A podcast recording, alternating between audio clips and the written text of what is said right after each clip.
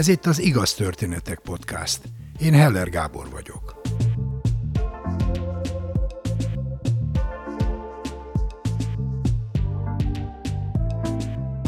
Mi játszódik le egy anya fejében, mikor az utcán hirtelen eltűnik mellőle három éves kisfia? Nem egy kisgyerekes szülő találta már magát hasonló helyzetben. De az már sokkal ritkább, hogy egy ilyen incidensnek évekkel később is komoly következménye legyen. Dr. Fogó Krisztina orvos, hipnoterapeuta mesél. Vasárnap este, kora este érkeztünk haza Pécsről, a Nagymező Andrási úton emlékszem, hogy mentünk a gyerekemmel, aki akkor három éves volt, kis piros biciklién, két kerekű biciklién ment, nagyon ügyesen, az én hátamon a nagy cekker, az egész hétvégi ruhahalom. Azért voltunk Pécsen, hogy egy kicsit kipihenjem magamat az anyukámnál, ami hát persze nem jött össze és a pécsi vonatút az két és háromnegyed óra, amit végig kellett szórakoztatni, mert különben ez a kis mókus gyerek, ez a koffer tartón ugrált volna. Úgyhogy nagyon fáradt voltam, és akkor caplattunk az Andrási úton, és elérkeztünk az író könyvesboltja, illetve a kottabolt után volt egy, akkor hajdanán egy ruhabolt, amit, amit én nagyon-nagyon vágyakoztam, és nagyon tetszett nekem. Sose volt annyi pénzem, hogy ott bármit is vehettem volna, ott valószínűleg nem is volt nagyon drága, de mindegy is. És akkor ott mentem a ruhabolt előtt, és úgy éreztem, hogy, hogy megérdemlek most annyit, hogy végignézem a kirakatot, és két lépés egy kirakat, két lépés a bejárati ajtó, még két lépés a másik kirakat, és ahogy visszanéztem, hogy hol a gyerek, nem volt sehol.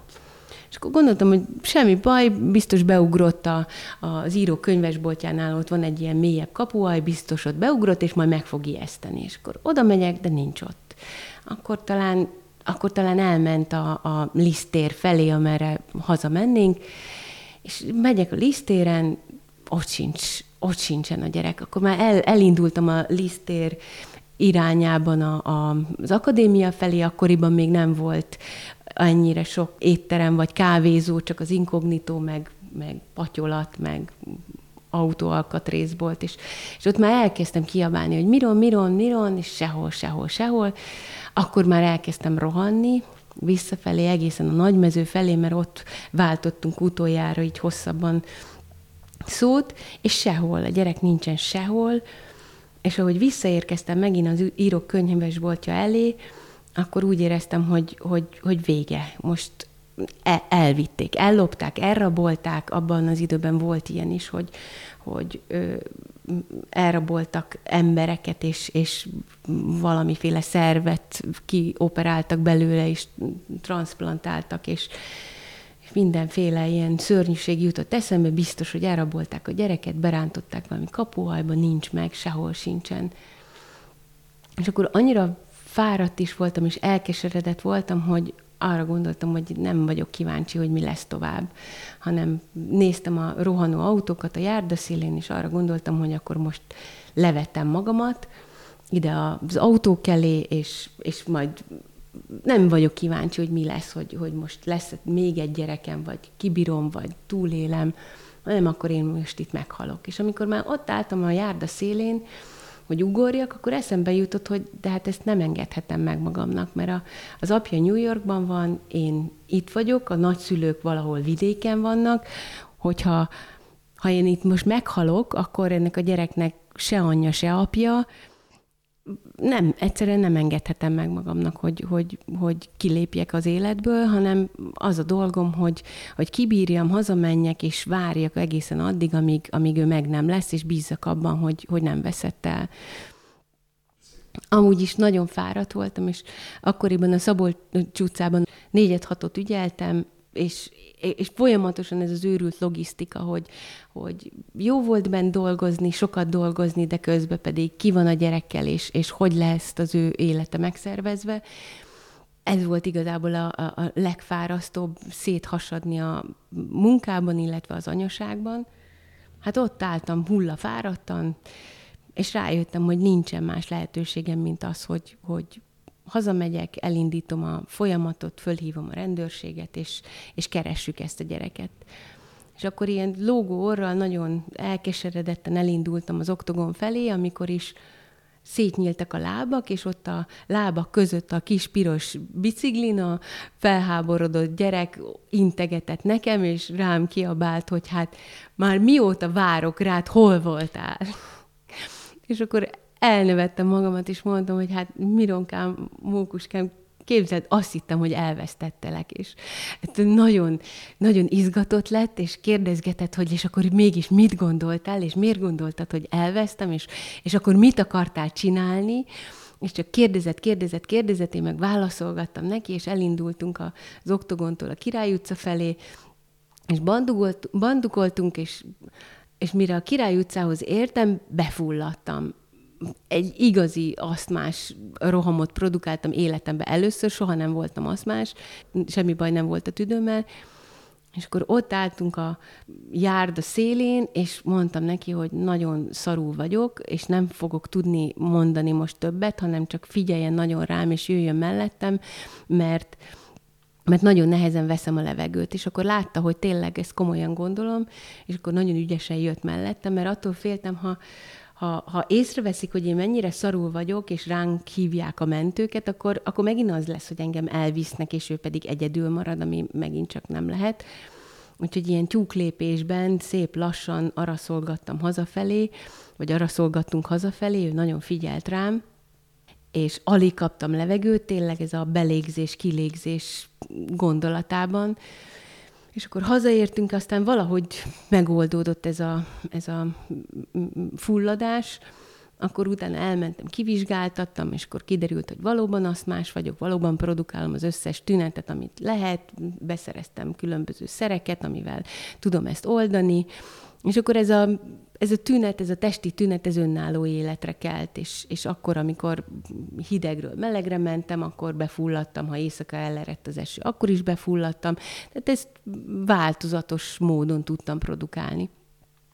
És körülbelül öt évig tartott ez, hogy, hogy én, én ezt az asztmás pályafutásomat ö, éltem. Ez egyébként szakmailag, így az orvosi létemben nagyon hasznos volt, ugyanis iszonyú empatikusan ö, bárkire ránéztem, több méter távolságról meg tudtam mondani, hogy fullad, mert, mert nagyon, nagyon együttérző tudtam lenni, pontosan tudtam, hogy hogy hatnak a gyógyszerek, milyen mellékhatások vannak, milyen kellemetlenségek járnak, hogy szabadít föl, milyen érzést kelt, úgyhogy nagyon profi voltam a asztma kezelésben, gyógyításban.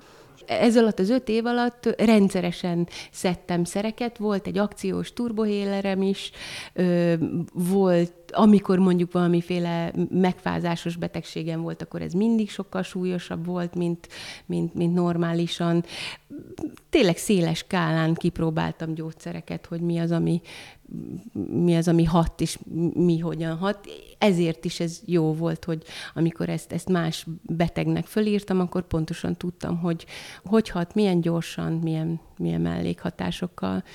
A kórházban én anesztintenzív szakorvos jelölt voltam, ezt akkor így hívták, és az intenzív osztályon dolgoztam döntően, és az intenzív osztályon ott azért voltak azt más betegek és, és események, ahol, ahol kamatkoztattam ezt a saját élményemet, hogy milyen is, milyen is asztmásnak lenni, illetve milyen is bronhospazmusban lenni. Így telt ez az öt év, szerhasználattal, azt más szerek használatával, ezt megtanultam ezzel együtt élni. Mindig is volt egy sejtésem, illetve mindig is úgy meséltem el ezt a történetet, hogy én azért fulladtam be, mert, mert ö, akkor elvesztettem a, a gyereket, de hogy, de hogy ez nem javult, és, és nem változott ez a, ez, a, ez a testi élmény. Egészen addig, amíg Öt évvel később a pontosan emlékszem a dátumra, hogy január 11-én, mert minden évben akkor van a Göbölyös Soma ö, újságíró, díjkiosztó mm, ünnepség, ahol mi régi ö, Soma barátok összegyűltünk, és hát a fiatal ö, akciós ö, újságírók pedig díjat kaptak. Megérkeztem erre a díjkiosztóra, ez a Szabó Ervin könyvtárnak a dísztermébe volt, biciklivel érkeztem, persze egy picit késve, és nagyon kellett hajtani, és rohantam föl a lépcsőn, ahol is már ott voltak a barátaink, és mint ilyenkor szokás az aszma maradékaként, általában, amikor erőfeszítéssel, hidegben, hirtelen megérkezem egy meleg helységben, akkor, akkor ezt a klasszikus asztmás ugató köhögést produkáltam, és akkor hátul megálltam, és ott ugatgattam. Amikor is a, egy kedves barátom, a Bőti Balázsnak a barátja, akivel éppen beszélgetett, a Bek András, ő oda szólt nekem, hogy mit ugatsz itt, föl akarod hívni magadra a figyelmet? Amire persze elnövettem magamat, és mondtam, hogy nem akarom fölhívni a figyelmet, csak azt más vagyok, és nagyon tekertem a bringán, és ilyenkor köhögni szoktam, és hát ez az ugatás van. És akkor fölkérdezett, hogy de hát miért vagy te azt más? És aztán elmeséltem neki ezt a történetet, hogy ott a, jöttünk a gyerekkel, és az Andrásin azt hittem, hogy elvesztem, és nagyon megrémültem, és ez egy annyira, annyira mély és fájdalmas élmény volt, hogy, hogy ezért lettem azt más. És akkor akkor ő egészen direkten és meglepően rám nézett, és azt mondta, hogy de te el akartad veszíteni ezt a gyereket. És ez egy olyan sokkoló mondat volt, és gondolat volt, és olyan érzés volt, mint hogyha egy ló mell, melkason rugott volna, és, és, és még most is hátborzongató erre gondolni, hogy, hogy, hogy, hogy val, ennek, a, ennek a gondolatnak az igazságára, hogy, hogy, hogy valóban el akartam, el akartam veszejteni. Annyira fáradt voltam, és annyira, annyira ö, hajszolt voltam, hogy, hogy úgy éreztem, hogy, hogy az alatt a, nem is tudom, három perc alatt, amíg én megnézem azt a hülye ö, ö, ruhabolt kirakatát, hogy, hogy akkor nem érdekelt, hogy mi van ezzel a gyerekkel. És rettenetes volt ez az érzés, de azért is rettenetes volt, mert hogy én, én, én mindig is az identitásomnak egy fontos része volt, hogy én jó anya akartam lenni. Jó anya és jó orvos akartam lenni mindig is. És azt gondoltam, hogy talán egy kicsit jobb anya akarok lenni, mint, mint orvos, de hogy, hogy, hogy a jó anyaságba és az én identitásomba belefér az, hogy akár csak percekre is, de hogy, hogy, hogy nem gondolok a gyerekemre szívem mélyén, ez, ez, ez egy sokkoló érzés volt, egy rettenetes érzés volt.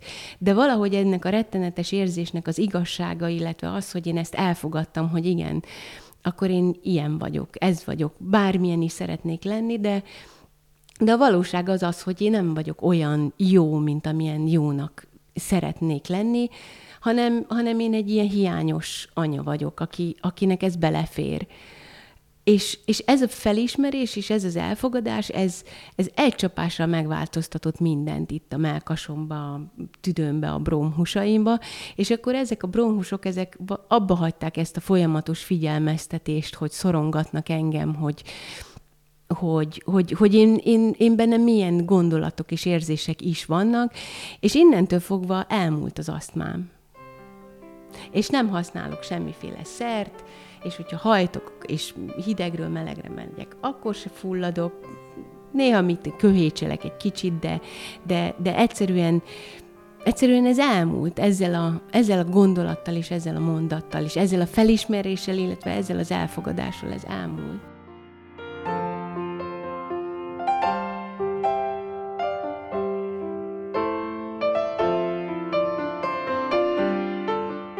Fogó Krisztina anesteziológus, intenzív terápiás szakorvos, hipnoterapeuta.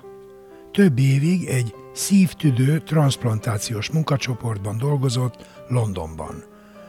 Onnan hazatérve az intenzív terápiáról a hipnoterápiára váltott. Fordított könyveket, és írásai több hipnozissal foglalkozó szakkönyvben is megjelentek. Krista a Phoenix onkopszichológiai munkacsoport titkára, a Magyar Hipnózis Egyesület tagja. A nemzetközi hírű Kürt Kft-ről valószínűleg úgy hallottál, hogy ők azok, akik a sérült, megrongált számítógépekből egyedülálló módon ki tudják menteni az adatokat. A következő történetben a cég egyik alapítója Kürti Sándor mesél arról, hogy mi történt azután, hogy 30 évvel ezelőtt valaki besétált az irodájába egy világra szóló találmányjal.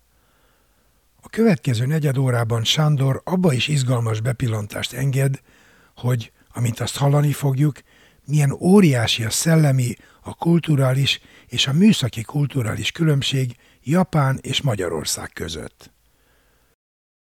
A Kürt az 1989-ben született, a testvéremmel alapítottuk, a testvérem feltaláló. 1994-ben innovációs nagydíjat mi kaptuk meg. Kilenc évre a születésünk után beállított hozzám Borján Gábor nevezett fiatalember, hogy van egy találmánya, és elmondta, hogy mi az, az az, amit ma mindenki ismer, mert úgy hívják, hogy IoT. Ez az a kis intelligens kis vicik vacak, ami egy dolláros kis eszközöcske, de össze tudja kötni a nagyon intelligens dolgokat egymással. És ezzel az ötletével elég jó ö, helyzetbe éreztem magam, hogy na igen, ezt világsikerre tudjuk vinni. A németországi Cebit nevű kiállításon évente ott voltunk, már kiemelt kiállítók voltunk, és megvolt a kapcsolati rendszerünk a japánokkal, a távol-kelettel, és ezt oda kell elvinni, ezt a találmányt, ezt az IoT-t, mert ők azok, akik ezt meg is értik gyorsan, és alkalmazni is tudják nagyon jó szabadalmi ügyvívőnk volt Lantos Mihály személyében.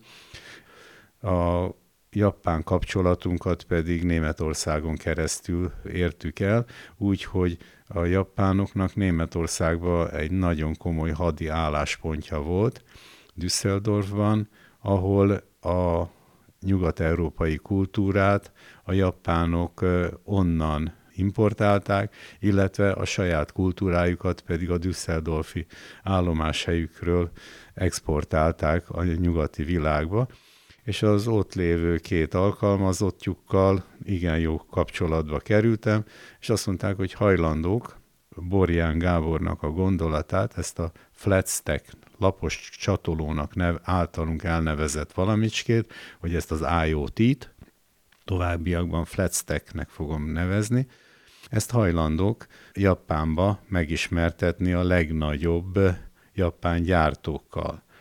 Ez egy olyan csodaeszköz volt, ami azt a nagyon bonyolult rendszert, amit úgy hívnak, hogy internet, és az az informatikusok azok úgy látják ezt, hogy ez egy hétemeletes épület. Ezt a nagyon bonyolult rendszert, ami Borján Gáborunk lebontotta egy földszintes épületre, egy kis vacak nyaralóra, és azt mondta, igen, ez az internet rendszerét át lehetne vinni erre. Persze nem olyan bőségesen, hogy egyszerre ezer embert ki tudna szolgálni, vagy tízezer embert, de három, öt, tíz embert ki tud szolgálni. Tehát például a legegyszerűbb magyarázat az, hogy a mosógéppel a háziasszony nem tud mit kezdeni, csak mosni tud vele. Semmi más nem tud vele. Ő nem veszi észre, hogy van egy kis lámpa rajta, egy sárga jelzés, hogy hát a szűrő már kezd eldugulni. Sőt, a szűrő már tök eldugult, akkor már egy kis piros lámpa van, a háziasszony továbbra is mos ezzel a géppel, és akkor leég a motorja, mert egyszerűen nem tud a szűrőn, már nem megy át semmi, mert ott egy zokni beragad. Miközben a szerviz meg látja ezt, és azt mondja, hogy te jó Isten, hát garanciálisan mosógép, akkor gyorsan kiküld egy embert oda, kiszedik az oknit a szűrőből, és minden megy tovább, és nincs óriási károk abba a cégbe, aki éppenséggel garanciát vállalt, és nem tudja elmondani a háziasszonynak, hogy hát nem jó, hogyha a mosógép mellé megy az okni be, és nem a dobba van benne, hanem a dobon kívül kerül be a rendszerbe. Tehát óriási előnyt látott a Gáborunk ebben a dologban. Én is ezt láttam be, és azt mondtuk, hogy nagy erünk, ezt a távol-keleten kell eladni. Hát mélyen egymás szemébe néztünk a Gáborral, és megállapodtunk, hogy gyerünk, ezt csináljuk meg, és majd fele-felében tied lesz a műszaki megoldás, enyém meg a kereskedelmi megoldás, és kihasználjuk persze a kürtnek az erőforrásait, de nem volt semmilyen írott megállapodásunk ezzel kapcsolatban. Csináltuk a dolgunkat, egyikünk se szólt bele a másik ügyleteibe. 1998-ban volt a találkozásunk, 99-re a véget értek a szabadalmi bejegyzéseink. A japánjaim azok javasolták, hogy megteszik azt, hogy a 20 legnagyobb japán elektronikai céghez bevisznek engem, de hogy közben azért a Dél-Koreát se hagyjuk ki, mert a Samsung azért egy óriási dolog. Motoki-nak hívták az egyik japánomat, aki itt Európában volt. A Motoki úr nagyon lelkismeretes volt, és legalább egy fél évig foglalkozott velem, hogy legalább az alapvető kulturális hiányosságokat próbáljuk meg átugrani. Egy japán azt egy 95% fölötti értéknek tartja, amikor egy másik japántól lát, attól tanul valamit. Ha egy amerikait lát, és attól tanul valamit, azt olyan 5%-nak tartja. Ha se nem japán, se nem amerikai, akkor azt 0,00006 ezred század százalékban hajlandó elfogadni. Tehát el, előre megmondták nekem a japányaim, a motoki is elmondta, hogy az első tíz tárgyalás az olyan, mint a tök fölösleges lenne, de azért nem fölösleges, mert az ott szerzett tapasztalatok alapján már tudni fogom, mert ők majd biztosítják, tehát ő ott lesz a tárgyalásaimon, és biztosítják azt, hogy azok a hibák, amiket ott elkövetek, azokat a legközelebbnél már ne kelljen, mert azt ott írásban át fogja adni nekem. A kezdet-kezdetén fiatalok foglalkoztak velem, és nyavajogtam. Azt mondja, higgyem el, hogy ilyen a japán kultúra, ezek a fiatalok azok, akik összeállítják a shortlistet, és már csak a legjobbak, a, a shortlistben fennmaradók mennek el a bölcsek tanácsához, de ezek a fiatalok, akik látják naponta, tehát ott élnek együtt a világgal, ezek fogják megmondani, hogy mik azok, amik bekerülhetnek a cégnek a portfóliójába. És amikor nyavajogtam erről, akkor aztán, hogy na jó, hát oda viszlek a főnökhöz. Akkor épp a Panasonic következett, és oda vittek egy alkoholista hülyéhez. És mondtam, hogy jaj, ne, ne, ne, e, ez már Panasonic főnök éppen ilyen volt. Azt a elvárást, amit csinálnak a japánok, azt egy Ikegami cégnél láttuk, mert az Ikegami cég rögtön meg is vásárolta tőlünk a mi fletsztekünket, hogy építsük be egy berendezésükbe. És ott láttuk azt a kultúrát, amit hát hátborzongató volt. Hátborzongató volt. A segédmunkát is három műszakban pont azokkal a mozdulatokkal végzik a segédmunkások, amit nekik megmondtak. Az nem úgy van, hogy mi valahogy majd megcsináljuk. Az nem, az az, az amit már egyszer kitaláltak, hogy hogy optimális, a vevő számára, hogy optimális, a, mű, a rendszer számára, hogy optimális, azt onnantól kezdve minden japán, legyen az Canon, legyen az Ikegami, vagy Sharp, vagy tök mindegy, hogy kicsoda, az pontosan úgy fogja már csinálni, mert nem fogja másodszor föltalálni a meleg vizet, mert tudni fogja, hogy mi a legjobb. Az első tárgyaláson a az én japányaim összesen ketten, mint tudom, 15-18 oldalt írtak arról, hogy én mekkora barom vagyok a japán kultúra szerint. Például, ha hasonlatot mondasz, az már kész, ott vége a tárgyalásnak. Akkor te már nem vagy egyenes ember. Miért nem mondod ki egyenesen? Mondd el egyenesen, direktben, amit akarsz, és ne falaz ezer ilyen dolog van még, amit még ismertek is, ugye, hogy orrot azt véletlenül se fújjálott, mert az egész mást jelent a japán kultúrában. Orrot azért nem szabad fújni mindenki előtt, mert az pontosan olyan, mint hogyha a kis dolgodat vagy a nagy dolgodat végeznéd más előtt. Azt ők pontosan úgy értékeli, ennyi. Ez az ő kultúrája. De összességében, ami a lényeg, hogy amíg egy japán gyerek felnő, körülbelül tízezer, húszezer ilyen dogmát tanul meg. Amíg nálunk felnő egy gyerek, hát mondjuk száz dogmát tanul meg. Mondjuk a tizet, mondjuk a tíz parancsolatból, hogy ne ölj, ne lopj, aztán még talán olyasmit, hogy azért öltözzél valahogy ki, amikor egy tárgyalásra elmész, de száznál több dogmával nem kell megküzdned. Ő meg tízezerrel küzd meg. Amikor leül egy japán, meg egy magyar mondjuk, vagy egy kelet-európai, vagy tök mindegy, leül tárgyalni, akkor neki ez a tízezerre szembe van a mi százunkkal. És ő azt mondja, hogy hát látom ezeket, nekem nagyon le kell hűlnem, mondja a japán, hogy ezt megértsem, na rendben van, én a tízezert megfelezem, csak ötezerre gondolok, de hogy én meg leülök vele, van nekem száz, azt mondom, hú, nagyon fő kell kötnöm a gatyámat, hát akkor kétszeresén majd lesz, és lesz kétszáz, miután fél évet tanulok. De az még mindig hihetetlenül távol van az ő 5000 az én 200-amtól, pedig ő már hűült eleget, én meg már tanultam eleget. Tehát nekem a fél év tanulás nagyon kevés volt, már volt vagy 15-18 tárgyalásom, közben a mi ötletünk, szabadalmaztatott gondolatunk, a mi IoT-ink, vagy a flatstackünk semmivel nem lett jobb. Hiszen nekünk volt egy deszka modellünk, és azt se tudtuk, hogy hogyan tovább, tehát mit kér a következő. Annival jobb lett a deszka modellünk, hogy egyetlen egy cégnél, az Ikegaminál beépítettük az ő berendezésébe, ő boldog volt, és kérte, hogy a többi berendezésébe is építgessük be ezt. Igen ám, de mi nem egy cégnél akartunk egyesével ezeket eladni, hanem tömegével. És akkor a 18-20. nagy sokadik tárgyalásukkor már elég jó voltam ahhoz a japányaim szerint, a motokiék szerint, hogy na, most már elképzelhető, hogy valaki rá fog harapni. És akkor éppen a Sharp jött a soron, ez 2000-ben volt, és a nagyon gyorsan, egy-két hónapon belül aláírtuk a megállapodást, ami szerint a Sharpnak fogjuk eladni a mi szabadalmunkat.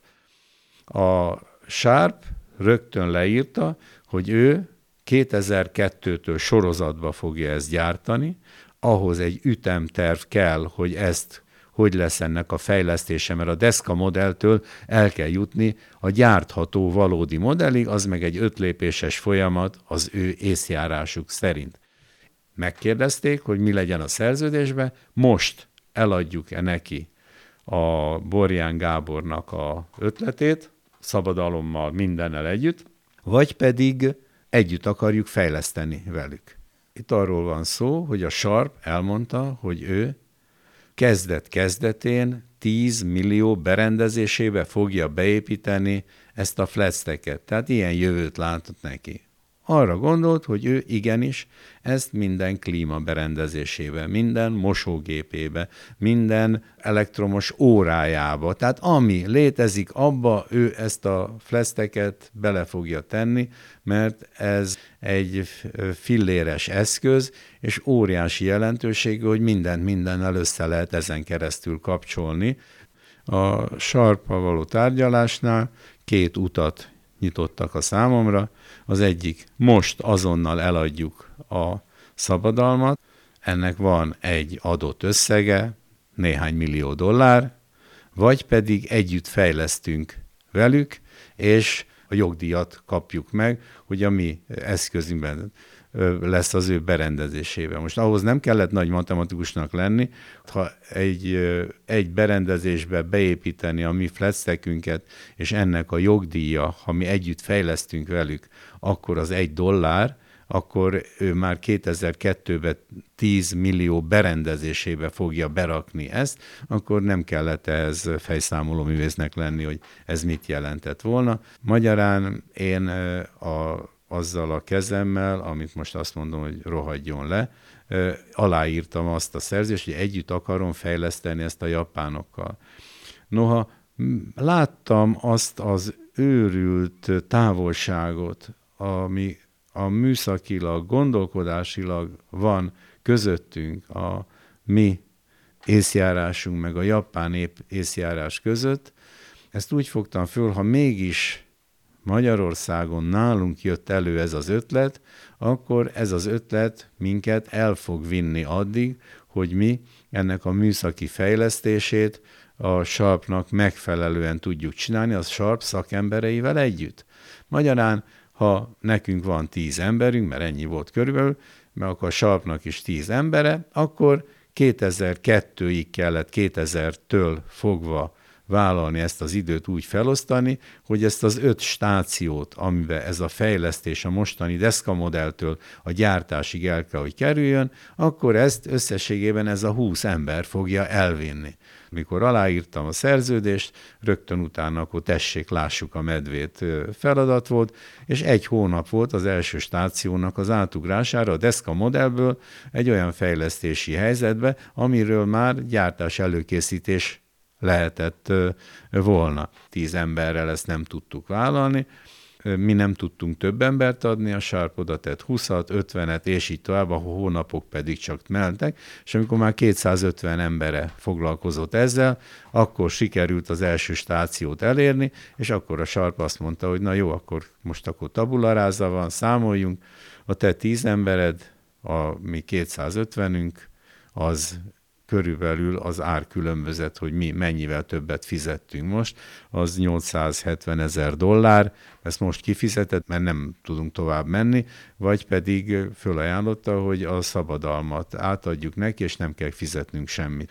Mivel nem volt 870 ezer fölösleges dollárunk, így ö, átadtuk a szabadalmat, és ma a Sharp isteni jó helyzetben van. A Sharp az IoT-nek a szabadalma, amit mi még fletszteknek blecéztünk, ő rajta múlik az, hogy ezt milyen szűk keresztmetszeten, vagy milyen tág keresztmetszeten engedi rá a világra, anélkül, hogy bárki is megtámadna, hogy megsérti a szabadalmi jogait. Azért ebből a rendszerből mi azon kívül, hogy nagyon sokat vesztettünk, a másik oldalon nagyon sokat tanultunk.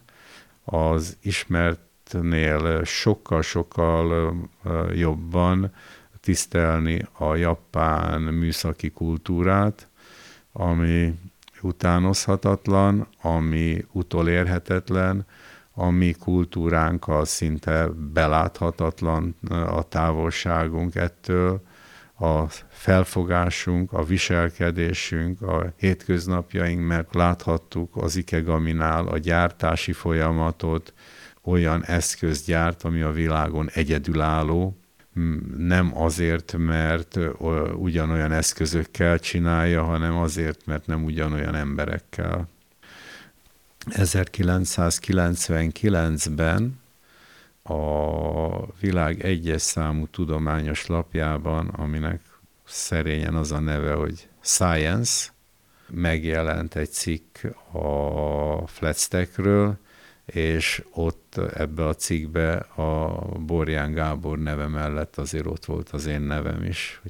És hát végül is azért a Nobel-díj alatti szint az az, hogy írtak-e rólad a Science-be. Húsz év után ezt a helyzetet átélve, ezerszer végig gondolva, én jó vagyok magammal. Nincsen semmilyen olyan élményem, hogy ja Istenem, hogy mi lett volna, ha. Volt egy lehetőség, amit a kürt adott nekem azzal, hogy innovatív állat volt, ezért jött be ez a Borján Gábor oda, és megpróbáltuk az akkori gondolkodásunk, az akkori eszünkkel ezt összehozni, és jó esélyünk volt rá. Nem mértem föl, hogy milyen óriási a szellemi, a kulturális, a műszaki kulturális különbség a japán és a magyar világ között. Én magyar akartam maradni, és nem akartam eladni.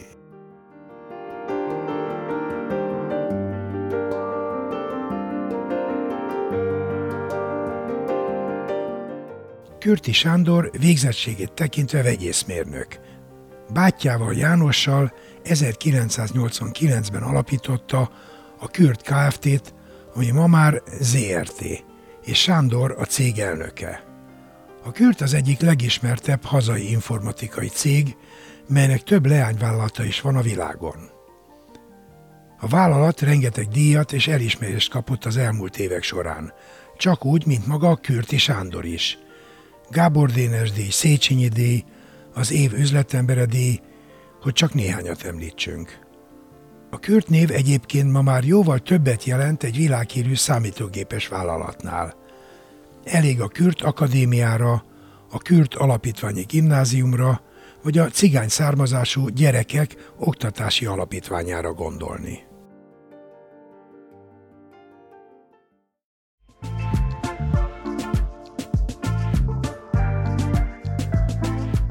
Mindenkinek vannak sorsfordító, képtelen, megható vagy mulatságos történetei. Nem vagy se túl fiatal, se túl öreg ahhoz, hogy te is mesélj egy történetet nekünk. Írd le egy oldalon, vagy vedd fel a mobilodon néhány percben, és küld el az igaz, kukac, igaztörténetek.hu e-mail címre. Várjuk! Kövess bennünket a Facebookon. És ha tetszik, oszd meg barátaiddal. Biztos ők is szeretni fogják. Ha nem szeretnél elszalasztani egy epizódot sem, iratkozz fel az Igaz Történetek podcastra kedvenc lejátszódban.